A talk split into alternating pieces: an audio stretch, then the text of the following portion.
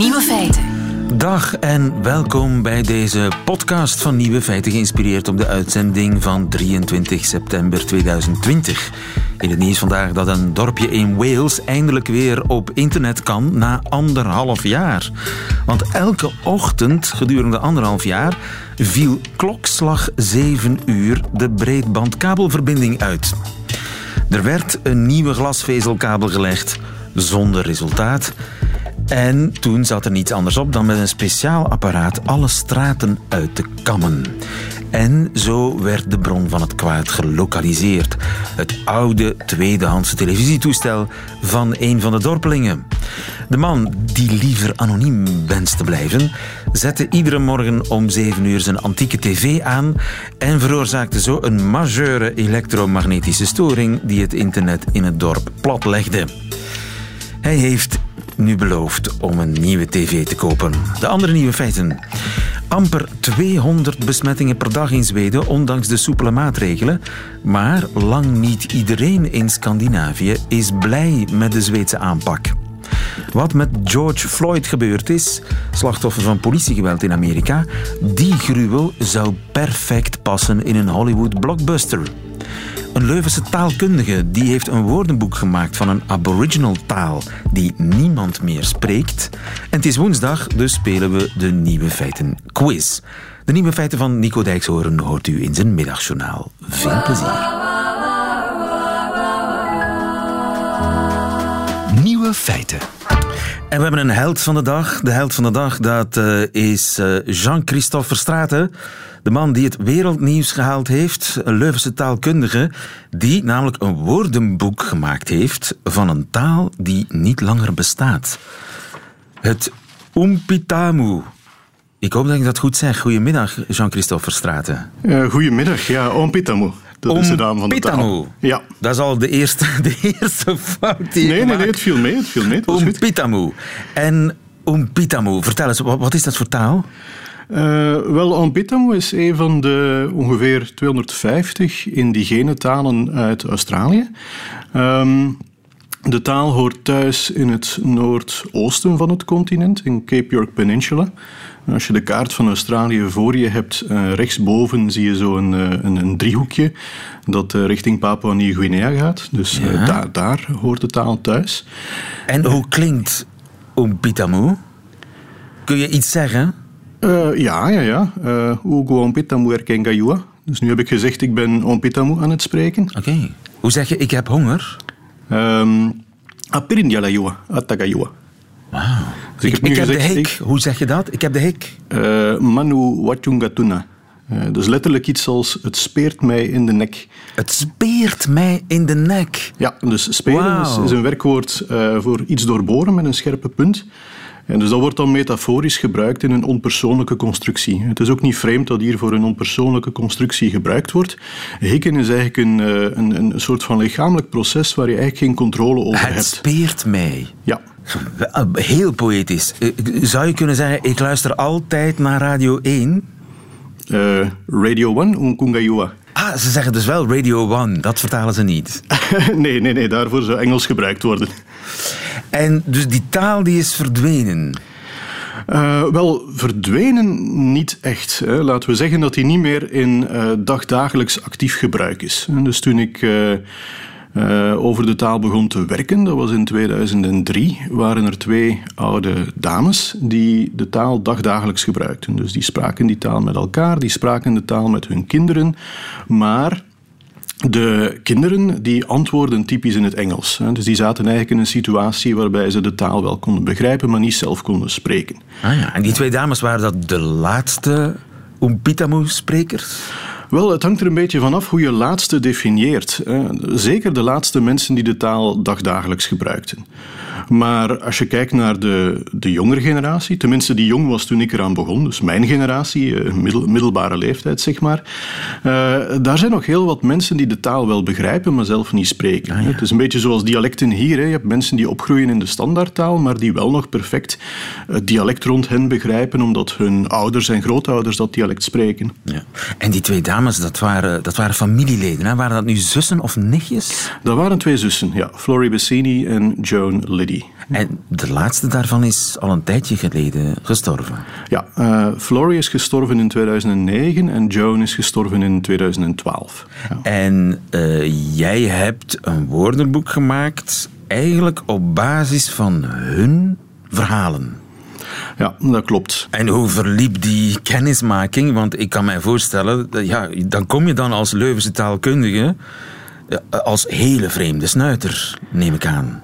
Uh, ja, nu, ik heb geluk gehad, dus ik ben eigenlijk geïntroduceerd uh, bij die mensen door een uh, antropoloog die al 30 jaar met hen samenwerkte. Dus ik, ik had wel een introductie, dat heeft de zaken veel makkelijker gemaakt. Maar dan nog is, is het wel zo dat uh, mensen typisch wel wat argwaan hebben tegenover blanken die uh, bij hen binnenkomen en iets willen. Uh, het gebeurt heel vaak dat er allerlei blanke wetenschappers of mensen van de overheid in het dorp binnenkomen, iets willen, daar weer vertrekken en je hoort er nooit meer iets van. Ja. Um, dat is natuurlijk een, een, situatie die je moet vermijden. En dat heb ik ook geprobeerd om niet te doen. Maar dus je, moet dus bewijzen dat je serieus bent. Je, moet je integreren in het dorp. Je bent er eigenlijk quasi moeten gaan wonen. Uh, ja, ja, ik denk in totaal heb ik daar uh, tot nu toe waarschijnlijk... Ik heb het eigenlijk nooit opgeteld. Misschien anderhalf jaar of, of nog iets langer doorgebracht. Uh, over de laatste 17 jaar. Um, en integreren dus echt in de letterlijke zin. Dus uh, je moet echt met de mensen samenleven. Dat is ook deel van het soort werk dat je doet. Dus als je de taal wil leren en de taal wil bestuderen, dan kan je niet anders dan je ook integreren in de cultuur en aspecten van de cultuur leren. Want er ja. zijn heel veel aspecten van de taal die heel nauw met de cultuur verbonden zijn. Aha. En als je niks begrijpt van die cultuur rond je, dan is het ook heel moeilijk om, om, om die taal te bestuderen. Dus, uh, en ja. dat, dat van die speer in de nek, dat is eigenlijk een onderdeel, dat illustreert eigenlijk wat u nu zegt. Um, ja, dat, dat zou een voorbeeld kunnen zijn. Dus uh, in deze taal is het zo dat, dat bijna alle uh, involuntaire fysieke processen, dus dingen die gebeuren in je lichaam maar waar je geen controle over hebt, dat die uh, dergelijke bijzondere constructies hebben. Dus bijvoorbeeld hoofdpijn is iets als kaiku yankangatuna. Dus dat wil zeggen, het trekt mij aan het hoofd. Um, dat is een gelijkaardig soort van constructie. Dus dat, dat, is één voorbeeld. Maar dat is misschien nog niet het meest cultuurgebonden type van voorbeeld. Misschien het meest cultuurgebonden type van voorbeeld is het verwantschapssysteem. Um, als dus je, familieleden. Ja, familie, termen voor uh, familieleden. Dus als je daar gaat werken en, en, en, je blijft daar een tijdje, mensen zien dat je serieus bent, dan word je opgenomen in het verwantschapssysteem. Dus je krijgt een plaats in het verwantschapssysteem. En je op basis daar uh, ja, dus uh, ik werd eigenlijk opgenomen via Flory, de vrouw met wie ik het meest gewerkt heb. En ik noemde haar Amita. Dat komt overeen, ongeveer overeen met het Nederlandse uh, moeder. Maar niet helemaal. Um, en, en, daar begint al de moeilijkheid. Hè. Dus de term Amita, net zoals de term Omoro voor vader, heeft een iets andere betekenis dan in het Nederlands of in het Engels. Dus het gaat niet enkel over de moeder, maar ook de jongere zus van de moeder.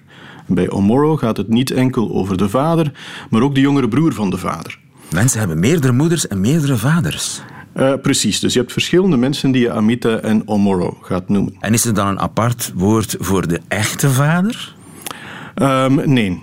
nee. En dus als ik dat concreet voor mijzelf toepas, hè, mijn, mijn vader uh, heet Edmond en dan zijn broers Charles, Gerard. Wie, wie, wie mag ik allemaal vader noemen?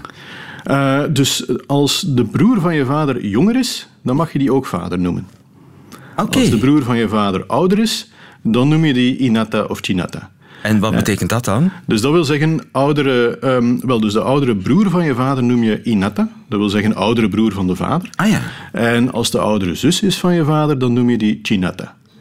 En, uh, en de jongere zus ja. van mijn vader, die zou ik ook moeder kunnen noemen? Nee, die noem je dan eakata. Dus dat is een beetje waar... Uh, dus in het Nederlands hebben we een onderscheid tussen vader en oom, vader en moeder en oom en tante. Oké, okay. maar de, de, wordt de, de jongere zus van mijn moeder dan weer, die zou ik wel moeder kunnen noemen. Ja, en de jongere broer van je moeder, die noem je alata. Dus daar is weer een ander woord voor. Jeetje, dus je moet echt wel heel goed weten hoe die maatschappij elkaar zit... En het belang dat gehecht wordt aan leeftijd, geslacht, ja, dat om zijn al die termen dingen, te begrijpen. Ja, Je moet dat allemaal in rekening houden als je met mensen spreekt. Uh, ook iets, iets wat vrij bekend is in die regio zijn bijvoorbeeld uh, zogenaamde schoonmoederrelaties. Dat wil dus zeggen, uh, een man heeft typisch een zeer, um, zou ik zeggen, zeer voorzichtige relatie met de schoonmoeder. En dat uit zich ook in communicatie. Dus in sommige plaatsen van, of in sommige delen van Cape York uh, wordt gewoon niet gesproken met de schoonmoeder. In andere delen van de regio wordt een andere taal gebruikt. Dan ga je andere woorden gebruiken als je tegen je schoonmoeder spreekt. Dus er is een bepaalde cultuur waar men met schoonmoeder geen woord uitwisselt. Precies. Uh, als je dan iets wil zeggen, dan doe je dat indirect. Bijvoorbeeld als je iets van eten wil geven, je gaat dat in de buurt leggen. Je zegt aan een kind bijvoorbeeld, kijk, ik heb dat erachter gelaten. Dan kan dat kind gaan zeggen aan die schoonmoeder, kijk, je schoonzoon heeft eten gebracht. En enig idee hoe dat gebruik ontstaan is? Is dat om conflicten te vermijden? Um, dat is een vraag voor antropologen. Uh, dat is. Um, dat is, ja, daar, zijn, daar zijn veel theorieën over, maar daar, daar ben ik zelf minder goed in thuis. Ja. Dus die, uh, die vraag zal ik aan collega's moeten doorschakelen, vrees ik. Ja, en als nu de jongere zus van mijn moeder, als ik die nu ook moeder noem, mm -hmm. betekent dat dat zij ook meer moeder voor mij is? Um, in de praktijk is dat inderdaad ook wel zo. Dus kinderen worden vaak bij verschillende mensen opgevoed. En uh, uh, bijvoorbeeld de jongere zus van de moeder zal daarbij een rol spelen. Right. Uh, het is ook zo dat de, de oudere broer of zus van moeder en vader vaak een bijzondere rol hebben in de opvoeding en de vorming van het kind. Dus sommige van die familierelaties met aparte termen hebben ook een, een bijzondere culturele rol. Ja, twintig jaar aan uh, dit boek gewerkt. En nu, wie gaat dat boek gebruiken? Een woordenboek van een taal die eigenlijk ja, stervende is? Uh, wel, er zijn een aantal, er zijn eigenlijk verbazend veel gebruikersgroepen. Eén um, groep is natuurlijk de nakomelingen, dus de lama lama.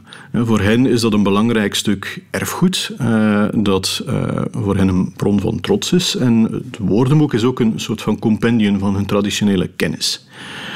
Um, als we het even breder opentrekken, uh, binnen Australië. Australië heeft een hele moeilijke koloniale geschiedenis gehad. Dat, wil dus zeggen, daar zijn massamoorden gebeurd, mensen zijn van hun land verdreven, culturen zijn vernietigd, talen zijn vernietigd. En de laatste 20, 30 jaar wordt men zich daar steeds meer van bewust en wordt er meer en meer gesproken van programma's van nationale verzoening. Reconciliation, daar spreekt men dan van. Ja. En als er iets gebeurt in verband met Aboriginal cultuur, wordt dat vandaag de dag ook al meer gezien als deel van het algemene Australische erfgoed. Dus men heeft ja. eigenlijk meer en meer respect voor um, de rijkdom van Aboriginal ja, cultuur. Nationale verzoening eigenlijk.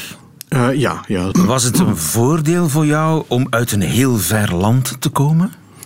Um, misschien wel. Ik heb, ik heb daar eigenlijk ook nog wel over nagedacht. Um, het was misschien wel een voordeel dat ik geen Australiër was. Um, omdat in de tijd waar ik begon was dat iets minder, maar zeker jaren 80, 90 was er toch nog wel vrij veel racisme in de Australische samenleving. Dus misschien als ik daar als Australiër begonnen was, was er misschien nog iets meer achterdocht geweest. Um, ik weet het niet, ik heb het hen nooit gevraagd natuurlijk, maar uh, dat, dat kan misschien wel een rol gespeeld hebben, ja. Prachtig werk, dankjewel Jean-Christophe Verstraeten. Goedemiddag. Graag gedaan. Radio 1. Nieuwe feiten. Helaas, helaas, het gaat de verkeerde kant op met corona in ons land. 1300 besmettingen per dag. Dat is niet niks, zeker in vergelijking met Zweden. Daar zitten ze op 200 besmettingen per dag. Zouden de Zweden dan toch gelijk hebben gehad met hun zachte aanpak, gericht op de lange termijn, hun lockdown extra light, zeg maar? Marcel Burger, goedemiddag. Goedemiddag. Onze man in Zweden. Uh, de Zweedse Mark van Ranst, Anders Tegnell. Is hij nu de nationale held? Voor sommigen nog steeds, inderdaad. Maar uh, er is meer kritiek ook op zijn functioneren. Uh, er is zelfs een werkwoord bedacht voor hem, uh. Tegnella? Dus, tegnelliseren kun je het eigenlijk uh, vertalen. Het betekent eigenlijk dat je verdedigt hoe je eigen land het doet tegen alle kosten en uh, dat je tegen andere landen zegt van nou, maar allez, jullie doen het fout, wij doen het het best. Ja, van Ransten zouden we dat noemen, maar dan met een uh, iets andere betekenis. Ja, klopt inderdaad. Ja, het, gaat eigenlijk, uh, het ligt eraan hoe je ernaar kijkt, hoe het in Zweden gaat. Inderdaad, het aantal besmettingen is relatief laag, maar het aantal tests is ook relatief laag. Dus ja, als je minder test, heb je ook minder besmettingen. Ja, en hoe kijken de buurlanden? Want dat is natuurlijk de crux. Eh, wij vergelijken onszelf met Zweden, maar eigenlijk is dat heel moeilijk, omdat ja, België is een totaal ander land. De, de samenstelling van de bevolkingsdichtheid om maar iets te zeggen. De cultuur is helemaal anders. Je moet Zweden eigenlijk vergelijken met Scandinavische landen, met Noorwegen, Finland, Denemarken. Hoe kijken ze vanuit die landen naar Zweden? Ja, die landen kijken nog steeds met argwaan naar Zweden. Alleen in Zweden kijken ze eigenlijk vooral naar België, naar andere landen, naar landen waar het eigenlijk slechter gaat dan in Zweden. Uh, want zeggen ze hier in Zweden, dus die, die zegt het ook, van ja, uh, je moet Zweden niet vergelijken met onze buurlanden, maar met andere landen waar het slechter gaat. Uh, het bijkomende effect is eigenlijk dat het dus in Zweden beter lijkt te gaan. Zelfs de Zweedse media die zijn aan het technaliseren. ze proberen eigenlijk met een soort bijna propaganda-achtige berichten te laten zien hoe goed het met Zweden gaat. Kijk eens hoe goed wij het hebben. Kijk eens hoe weinig besmettingen ze hebben. Ja. Het nadeel daarvan is alleen dat, dus de buurlanden, daar gaat het eigenlijk veel beter. Uh, Zweden zit nu op ongeveer 5900 doden uh, sinds de eerste golf al. Kijk naar Noorwegen, heeft er maar 270. Dus het gaat eigenlijk helemaal niet zo goed in Zweden. Als je het vergelijkt met Noorwegen, Finland, Denemarken. En hoe zit het daar nu met die stijgende curves waar ja, West-Europa, Zuid-Europa nu mee te maken heeft? Ja, dat gaat ook zo in, uh, zoals in Zweden, maar ook in Noorwegen, Denemarken en Finland zijn allemaal kleine uitbraken. Bijvoorbeeld op de scholen die weer zijn begonnen, um, bij de sportverenigingen die weer, weer meer mogen. Uh, dus er wordt met argwaan gekeken in heel Scandinavië hoe het uh, gaat, gaat lopen. Finland wil alweer quarantainemaatregelen in acht nemen tegen Zweden ook nu. dus ja, de, de buurlanden zijn eigenlijk niet zo gerust op dat het zo goed gaat in Scandinavië. Dus de Finnen gooien weer de grens dicht voor de Zweden? Ja, dus het gaat eigenlijk helemaal niet zo goed. Uh, zelfs in Zweden zelf, uh, er wordt zelfs gesproken in Stockholm dat misschien families waarvan één familielid corona heeft, die moeten zichzelf dan in quarantaine plaatsen. Dit, dit is nog nooit gebeurd in Zweden. Er werd altijd gezegd van, allee, als uw man, vrouw, vriendin kinderen ziek zijn, dan kunt u gewoon naar het werk. Uh, blijf misschien twee dagen thuis, maar daarna kom weer naar het werk, hè. Kom naar school. Um, dat gaat langzaam maar zeker veranderen. Zelfs in Zweden zelf zijn ze er niet gerust op dat het goed gaat. Dus de extra light aanpak wordt ietsje minder extra light. Ja, daar gaat het inderdaad op lijken. Uh, landelijk gezien wordt er niet echt strenger uh, ingegrepen, maar lokaal zal er misschien uh, een, een, extra restrictie komen. Bijvoorbeeld quarantaine dus voor het hele gezin. landelijk blijft het vooral vrijheid, blijheid in Zweden. De grenzen zijn nooit dicht gegaan, die gaan ook niet dicht. je kunt hier naartoe komen. alleen er wordt afgeraden om te reizen. Dat is het enige. Afraden is het beleid van Zweden. Afraden en geen paniek veroorzaken. Ja, afraden om te reizen. Ook de Zweden zelf wordt afgeraden om binnen het land te reizen, om naar Göteborg te gaan bijvoorbeeld vanuit, uh, vanuit Stockholm? Ja, alleen als het echt nodig is mag je reizen. In de praktijk, dus Zweden reizen best wel veel, uh, ook voor plezier, uh, het hele land door. Er is wel minder reisverkeer naar het buitenland toe, dat wel. Uh, maar dat komt ook omdat veel landen zeggen, we willen die Zweden eigenlijk helemaal niet hebben. Ja. We willen eigenlijk dat de Zweden gewoon thuis blijven. En het mondkapje, is dat gemeengoed? Uh, nee, uh, het mondkapje is niet verplicht, uh, wordt ook niet aangeraden. Ehm, er is wel wat protest tegen. de de Volksgezondheidsorganisatie zegt hier, we willen geen mondkapjes. Maar de rector van een van de belangrijkste universiteiten in Stockholm heeft gezegd, iedereen bij ons mondkapje op. En daarna zei de Volksgezondheidsorganisatie, uh, ja, misschien in sommige gevallen zou het misschien wel een goed idee zijn om die mondkapjes te dragen. Maar ik ben een van de zeer weinigen hier die een eh, mondkapje op heeft in het openbaar vervoer. In de winkel misschien één of twee andere mensen en dat is het zo'n beetje. Ja, en toch is het vreemd, hè? al die uh, in onze ogen bijna lichtzinnige maatregelen, die hebben tot nu toe er niet voor geleid, tot geleid dat het aantal besmettingen zwaar toeneemt. Zwaar, uh, eh, 200 per dag, dat is een getal waar wij nog maar van kunnen dromen, ondanks onze mondkapjes. Er moet toch iets zijn dat dat verklaart?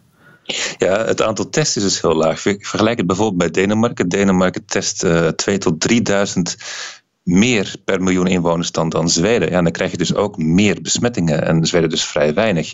In Zweden, als je nu naar de dokter belt en je zegt: Ik denk dat ik corona heb, zegt de dokter: Blijf thuis, uitzieken. We gaan u niet testen. Alleen als het heel erg extreem wordt, dan mag je naar het ziekenhuis toe komen. Ja, en dan blijft natuurlijk het aantal besmettingen relatief laag als je het niet uh, laboratorium bevestigd krijgt. Dus die cijfers, die Zweedse cijfers, zijn eigenlijk niet betrouwbaar, zeg je?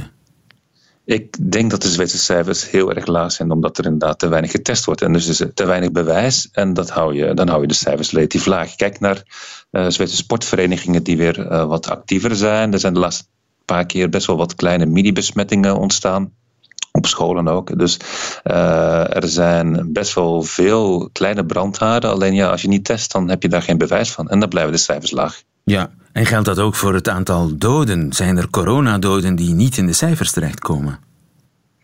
Uh, nou, het aantal doden wordt relatief uh, actueel gehouden. Het aantal uh, ziekenhuisopnames is alweer licht aan het stijgen in sommige gebieden van Zweden. Uh, doden blijft relatief uh, laag. zoals ik zei, 5900 nu. Dat is al eigenlijk een tijdje zo. Tussen de 5800 en 5900. En het gaat dus niet heel hard omhoog. Maar ook in de buurlanden gaat het niet heel hard omhoog. Noorwegen zit al heel lang rond die 270.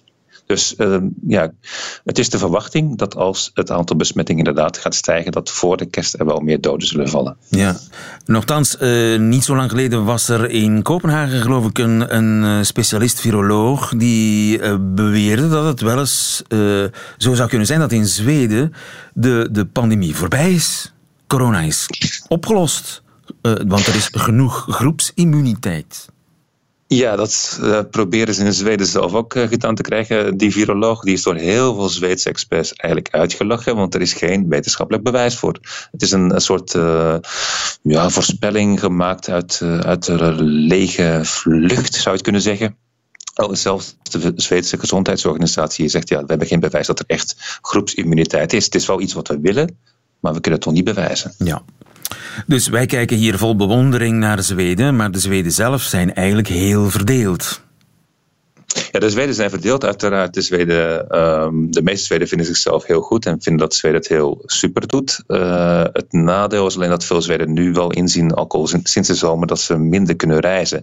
En dat minder kunnen reizen, dat is wel een aardige ja, optater geweest voor hun eigen beeld, hoe ze naar zichzelf kijken. Maar veel Zweden geloven ongeveer de helft van de Zweden gelooft nog steeds in, in Tegnell, uh, de viroloog hier, en het beleid van Zweden. Kijk, de Zweden houden ervan, als er iemand zegt, zo gaan we doen, uh, dit wordt het beleid, en zo'n sterke man, die trekken ze eigenlijk nooit in twijfel. Dat is eigenlijk de Zweedse mentaliteit. Ze luisteren naar de autoriteiten, en wat de autoriteiten zeggen, dat geloven ze. Ja, de Zweden zijn nog altijd volop aan het tegenariseren. En, ja, zou je kunnen zeggen. En uh, zelf zegt, ja, dit uh, is uh, een marathon, dit is geen sprint. En pas als de marathon helemaal afgelopen is, zullen we echt weten hoe de vork aan de steel zit en wie eigenlijk gelijk had met welke aanpak. Marcel Burger, dankjewel. Goedemiddag. Goedemiddag. Nieuwe feiten. Nieuwe feiten quiz. En er staat heel wat op het spel, met name een boekenbon. 25 echte euro's te verzilveren bij de onafhankelijke boekhandelaar. Dat wil zeggen een handelaar die aangesloten is bij Confituur, de federatie van die onafhankelijke boekhandelaren. We spelen onder meer met Kien. Dag Kien.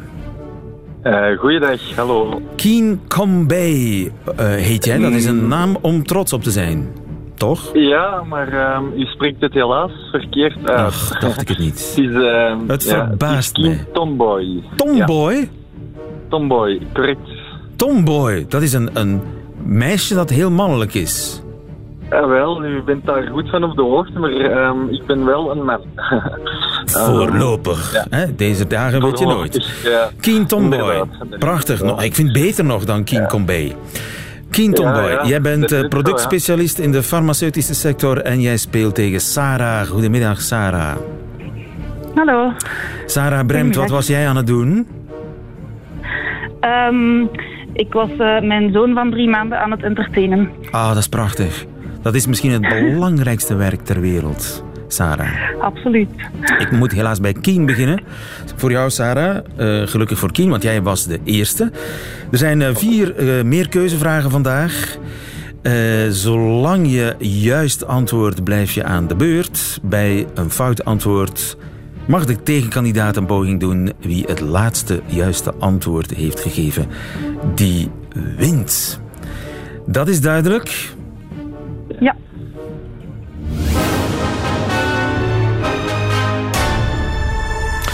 Een Filipijnse telefoondief die werd op sprookjesachtige manier gevat. Hoe? A. Hij liet een spoor van kruimels achter van een zakje chips dat hij bij zich had. B. Hij liet een slipper achter in de winkel. Toen de politie de verdachte schoen, de schoen liet passen, paste die als assenpoester, bij wijze van spreken. C. De dief had zich, zoals door een roosje, geprikt aan een naald.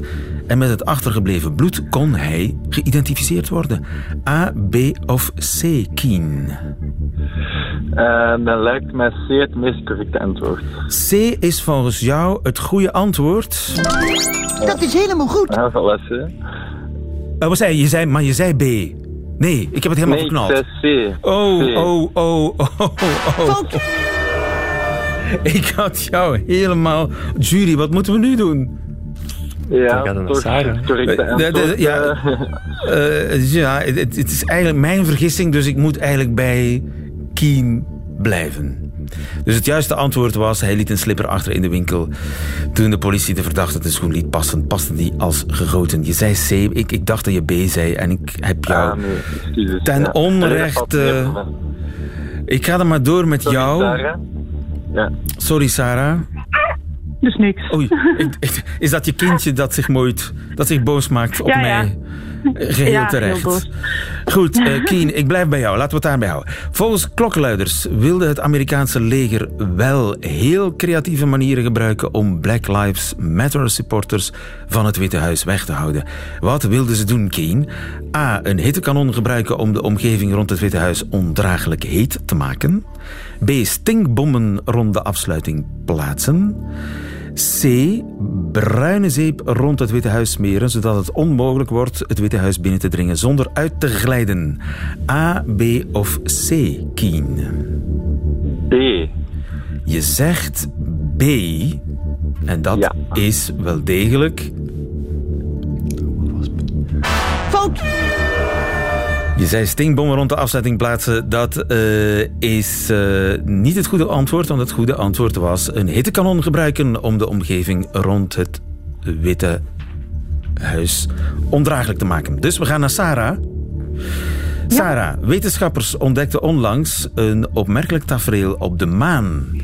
Wat hebben ze ontdekt? A. Sommige maanstenen blijken te roesten. B. Een kerkhof van satellieten die na gebruik daar gedumpt werden. Hebben ze daar ontdekt. C. Er is bacterieel leven ontstaan nadat astronauten bacteriën van de aarde met de maanmissies daar achterlieten.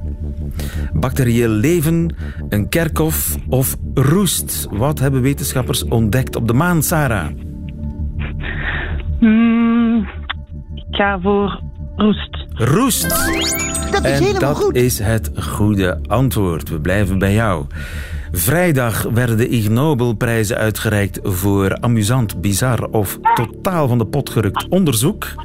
Dat toch in serieuze wetenschappelijke tijdschriften is gepubliceerd. De vraag is: welke studie heeft niet gewonnen? A. Een onderzoek dat aantoont dat mensen overal ter wereld ongeveer hetzelfde woord gebruiken om kippen te verjagen. B. Een onderzoek dat aantoont dat de inkomensongelijkheid hoger ligt in landen waar meer getongzoend wordt. C. Een onderzoek dat aantoont dat messen gemaakt van bevroren menselijke uitwerpselen dat die messen niet goed werken. Welk onderzoek heeft geen Ig Nobelprijs gekregen, Sarah? Hmm, ik ga voor het tweede. Jij gaat voor het tweede. Fout. Dat is fout. Maar dat betekent dat degene die het laatste... Je mag harder praten, eh, jury. Oh, Kien mag een poging wagen natuurlijk nu. Ah, Kien mag hem op... Oh, Kien mag een poging wagen. Goed, ja, ik ben helemaal in de war. Ik ben een slechte quizmaster. Kien, jij mag een poging wagen. Ehm, dan ga ik voor het eerste antwoord. Het onderzoek dat aantoont dat mensen overal ter wereld ongeveer hetzelfde woord gebruiken om kippen te verjagen, heeft volgens jou geen Ig Nobelprijs gewonnen. En dat antwoord is... Dat is helemaal goed. Goed. Ik ben gebuist als quizmaster, maar jij hebt gewonnen, Kien. Die 25 Allee, euro. Het was heel erg spannend. En onbedoeld Ja, nog spannender dan eigenlijk zou moeten, Kien. Gefeliciteerd met je 25 euro. Helaas, het heeft niet voor jou mogen zijn, Sarah. Maar toch bedankt voor probleem. het meespelen. En je kan ook online meespelen, want er is ook een online versie van deze woensdagquiz eh, quiz van Nieuwe Feiten. Dankjewel, vrienden. Dank u.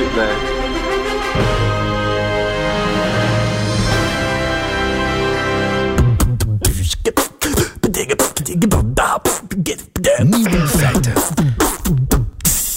Wat eh, met George Floyd gebeurd is, hè, u herinnert zich ongetwijfeld zijn laatste woorden: I can't breathe. De man kwam om het leven door politiegeweld.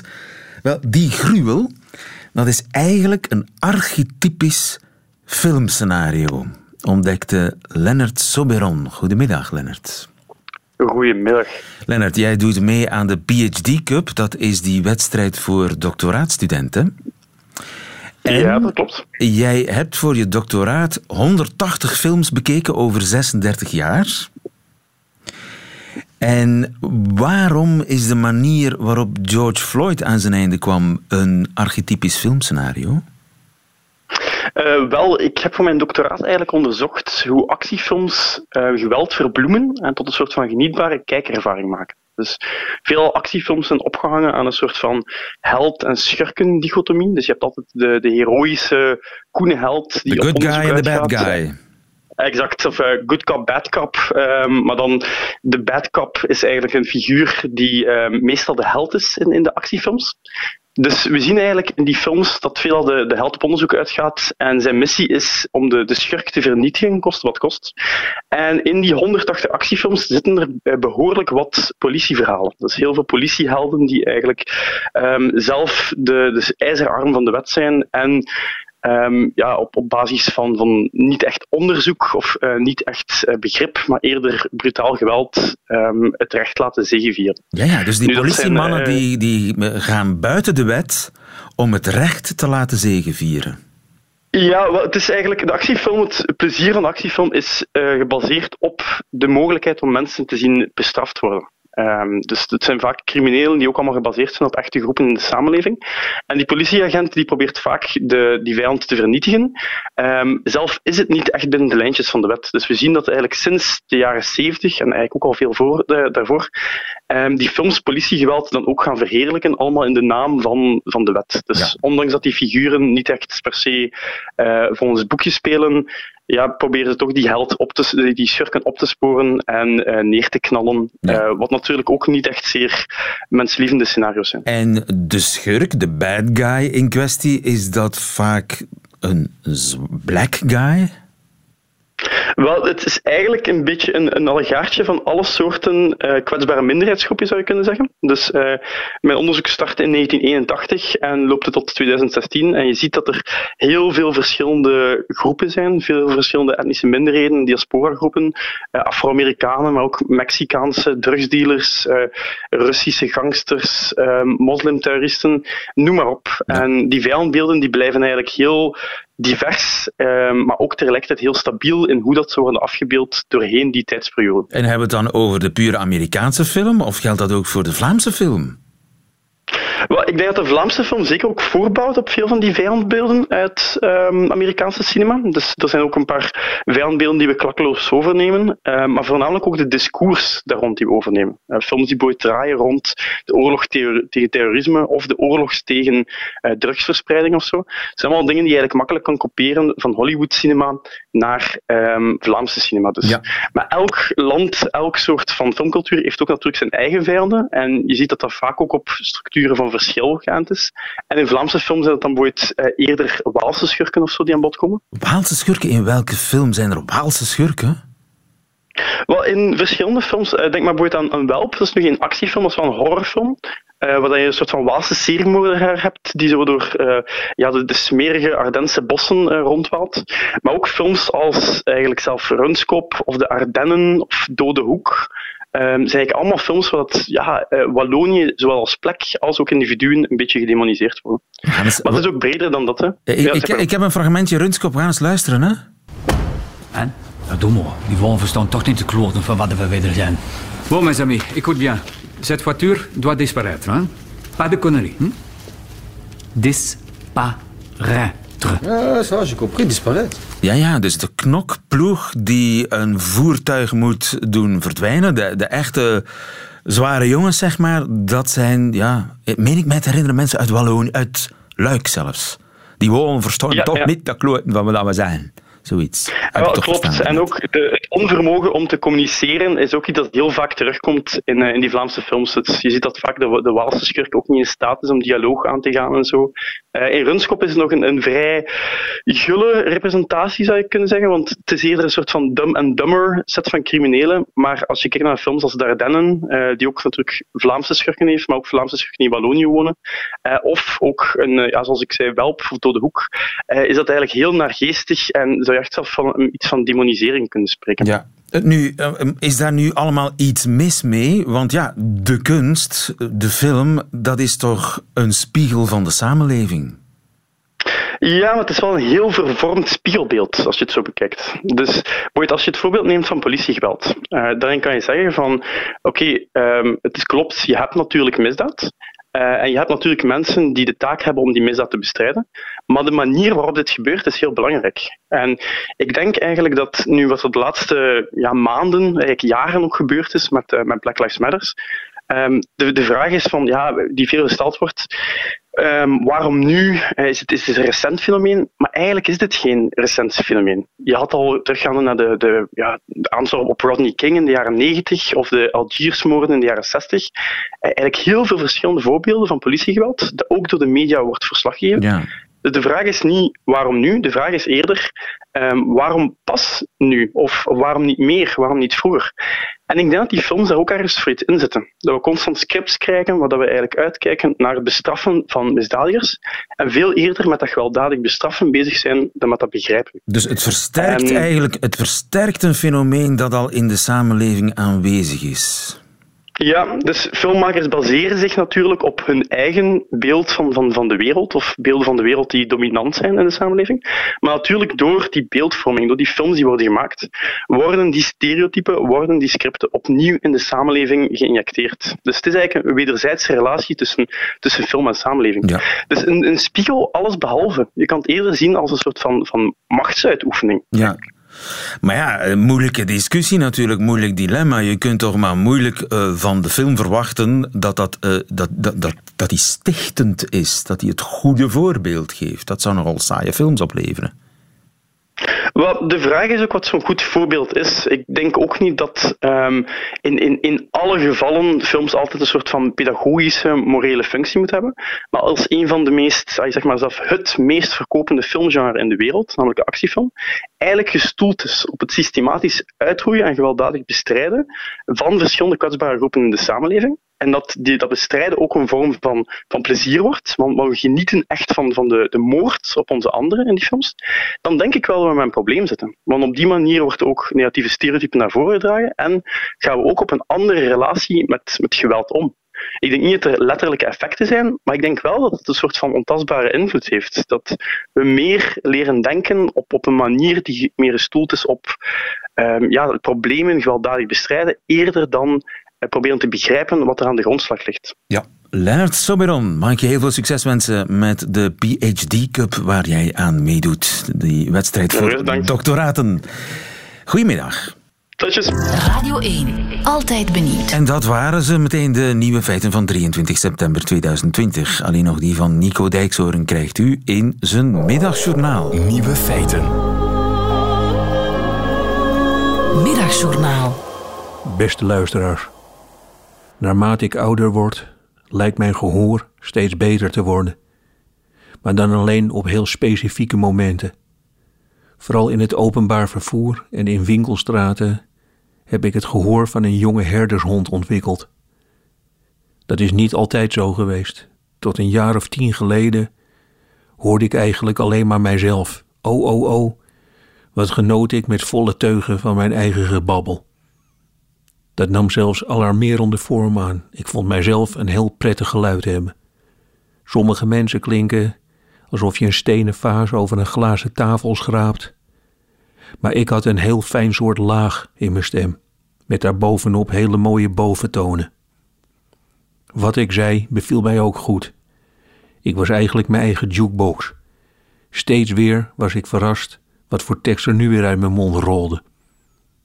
Maar dat is verleden tijd, zoals gezegd. Ik hoor alleen nog maar wat andere mensen zeggen. En dan alleen maar de dingen die ik helemaal niet wil weten. Ik zal u een paar voorbeelden geven. Ik zit bijvoorbeeld in de bus en dan kijk ik op mijn telefoon en dan hoor ik helemaal voor in de bus iemand heel duidelijk zeggen: Alleen zijn sokken nog aan, met dat dier op zijn rug. Daar zit ik dan een hele dag over te piekeren. In welke situatie draag je alleen sokken en denk je: Weet je wat, ik doe een dier op mijn rug.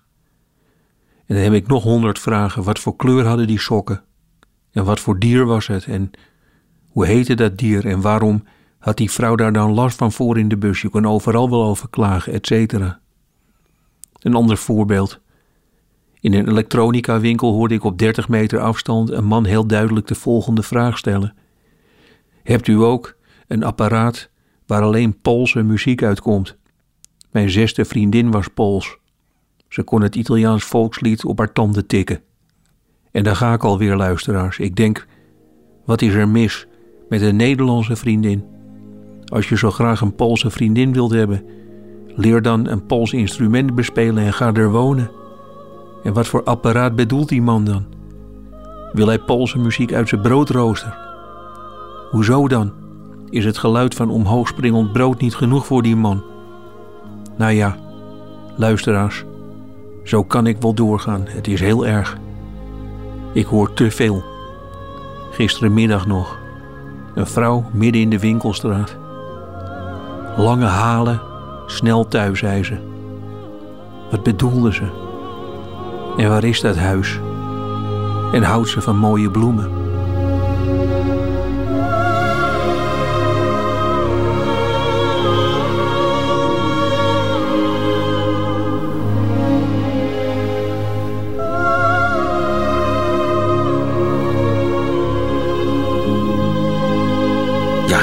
Kan soms te scherpe oren hebben. Nico Dijkshoorn eens een middagjournaal. Einde van deze podcast. Hoort u liever de volledige versie van Nieuwe Feiten? Dat kan natuurlijk via onze website of via onze app.